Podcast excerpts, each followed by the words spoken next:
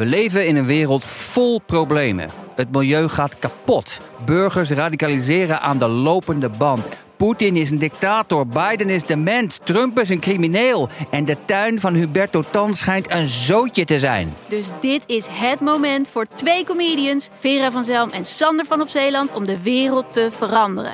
Alles moet anders.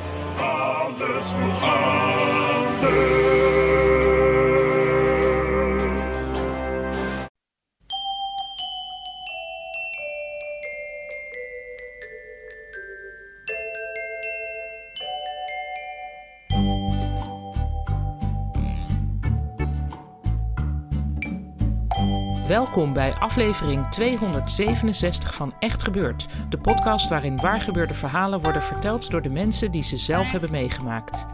In deze aflevering een verhaal van Mark Wagemakers. Hij vertelde het in december vorig jaar tijdens een Echt Gebeurd middag met als thema Het Hart.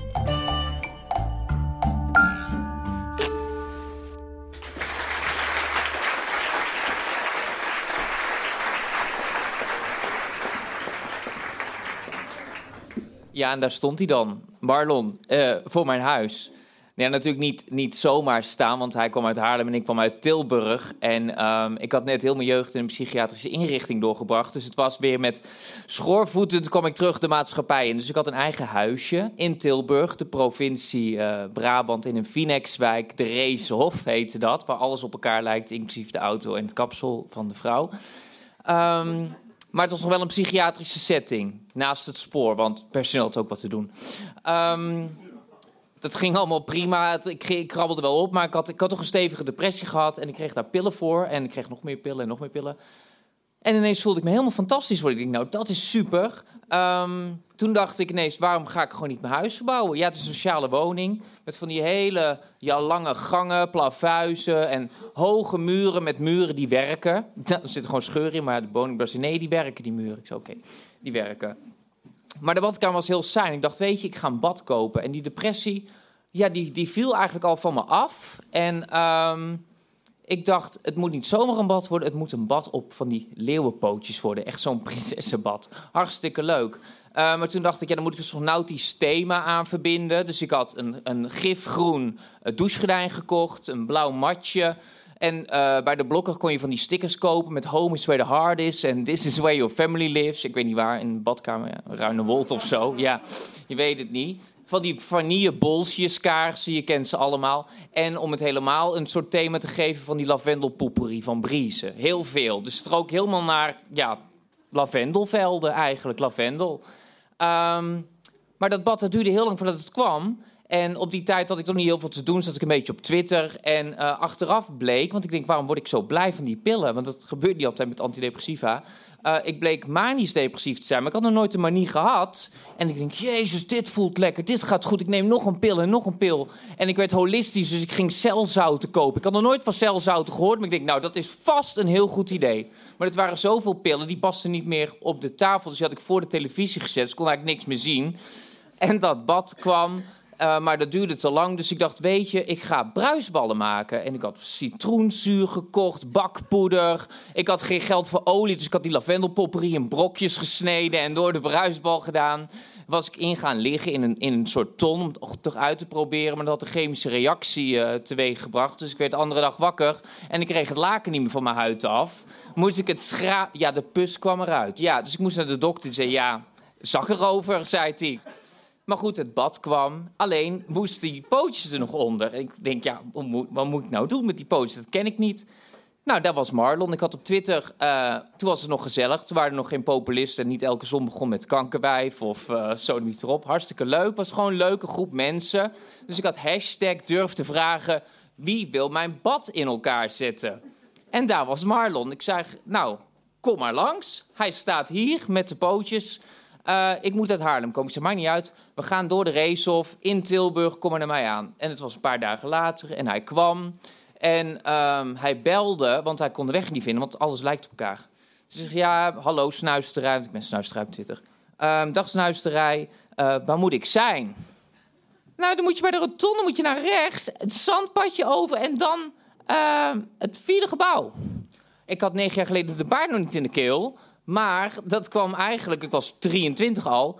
Uh, mijn moeder zei telkens als ik haar opbelde met een lage stem... Nou Mark, doe me normaal, hing ze op. En als ik met mijn hoge stem belde, zei ja, dan begon ze wel tegen me te praten. Dus ik had een soort omgekeerd Oedipus-complex. Mijn vader hoefde niet dood. Maar goed, daar stond Marlon dan ineens. Maar hij wilde eigenlijk al weg. Maar hij reed per ongeluk mijn straat. Ik zei, joe, ik ben hier, snuisterij. Schoolvoet. En toen kwam hij zo het huis binnengelopen.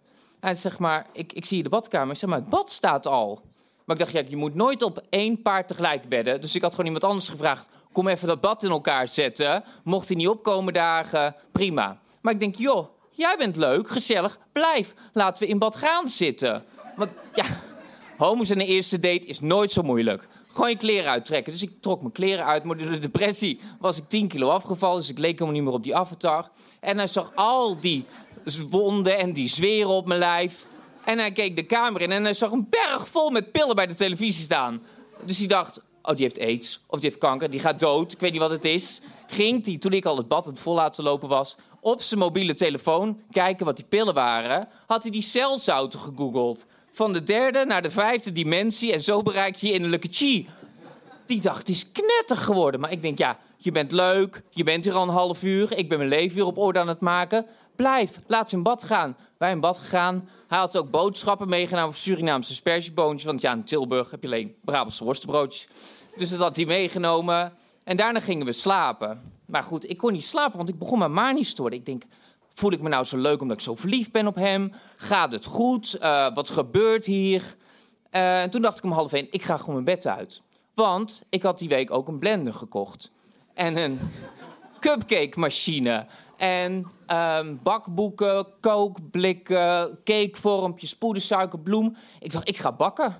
Het een uitgelezen kans. Ik heb nu toch een date. En die moet ook wakker worden met croissantjes, dacht ik. Nou, ik ga beginnen. Ik had een cupcake machine gekocht. Ik had 12 cupcakes gemaakt. 18, 24, 30, 34 met parmezaanse kaas. En toen dacht ik, als je een bakkerij hebt, dan moet je ook een hartig aanbod hebben. En toen dacht ik, een bakkerij? Dat is een goed idee. Ik moet een bakkerij beginnen. Bakkerij Wagenmakers in de Racehof. En ik dacht, nou moet ik ook een officiële uitnodiging maken. Dus ik ging op mijn computer, had ik een officieel persbericht gestuurd. Mark Wagenmakers opent bakkerij in de Racehof Tilburg. Met een officiële uitnodiging en een noot voor de redactie. Maar niemand van mijn vrienden was redacteur, dus dat sloeg nergens op. Ik had het heel professioneel. Mark Wagenmakers, bekend als snuisterij op Twitter, heeft zijn bakkerij geopend. Maar toen dacht ik, shit, morgen is de officiële opening al. Maar ik had alleen nog maar cupcakes.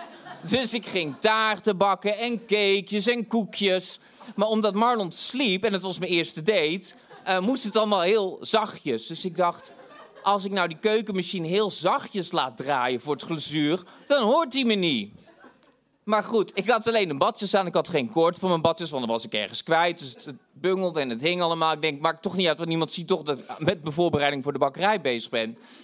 En het was half drie, kwart voor drie, drie uur. Meer taarten op de aanrecht, op de tafel, in de gang, in de badkamer. En toen dacht ik, ja, maar ook als ik straks kraamcadeautjes moet maken... heb ik voor een jongen natuurlijk wel blauw glazuur nodig. Dat was toen allemaal niet zo genderfluide, behalve het glazuur. Want omdat het zo uh, langzaam draaide, was het gaan lopen. Dus ik deed het in die uh, uh, vormen en dat zijpelde door de bodem heen... over mijn badjas, over mijn naakte lijf...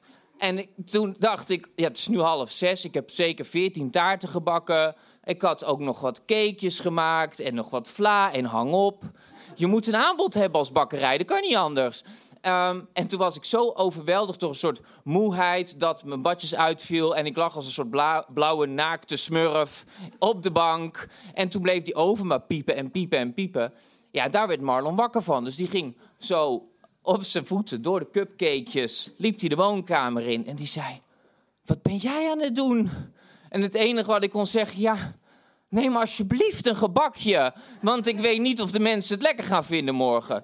Dus zij zei, morgen? Ik zeg, een bakkerij. Ik zei, ja, nee, nee, nee, nee, nee, nee, nee, dit is niet de bedoeling. Dit is het eerste date, hartstikke leuk. Ik zei, maar nu, ik zei, ga nu weg. Ik zei, nee, nee, het gaat heel goed. Je bent heel leuk, je moet hier blijven. En jij moet van mij houden. Ja, ik dacht, ja, Ik ben uit de inrichting, ik heb een eigen huis, dan heb je ook een partner nodig. En ik had een keukenmachine en je moet toch iets beginnen. Hij zei, nee, ik ga helemaal niet van jou houden, zei hij. En hij trok zijn kleren uit, hij verdween in zijn SUV over de zandweg en de zon kwam op. En dan lag ik helemaal alleen, het poedersuiker, dwarrelde neer op mijn hoofd. En ik lag in de bank te denken, waar is het allemaal misgegaan? En hij zei, eh, nog over de telefoon, Mark, laten we maar geen contact meer hebben, want eh, ik ben er nooit zo geschrokken in mijn leven. Ja. Maar goed, nu negen jaar later, en daar zit hij. Ja. Ik, ehm, ik ben deze zomer ten huwelijk gevraagd. Door hem, door hem, ja, door hem. En eh, wat, ik, wat ik heb geleerd eh, van negen jaar samen zijn met de liefde van je leven... is dat het eigenlijk niet uitmaakt hoe gek je bent, wat voor psychiatrische stoornis hebt, hoe je er wel eens uitziet. Eh, als ik heel manisch ben, dan zeg Mark, kom, ga even zitten, neem je pillen, we gaan naar de psychiater. En als ik, eh, als ik depressief ben, dan pakt hij een kopje thee en dan zit, komt hij aan mijn bed zitten en zegt, nou, we gaan er weer een mooie dag van maken, Mark. En ehm, als ik één ding heb geleerd, is dat eigenlijk de liefde alles overwint. En zelfs een bakkerij in de Reeshof. Dank jullie wel.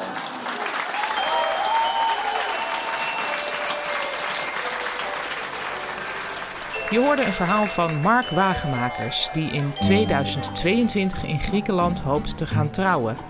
Mark vertelde eerder een mooi verhaal bij ons dat je nog kunt beluisteren in aflevering 229 van deze podcast. Wil je zelf een keer bij Echt Gebeurd komen vertellen? Voor volgende maand zoeken we verhalen over EHBO.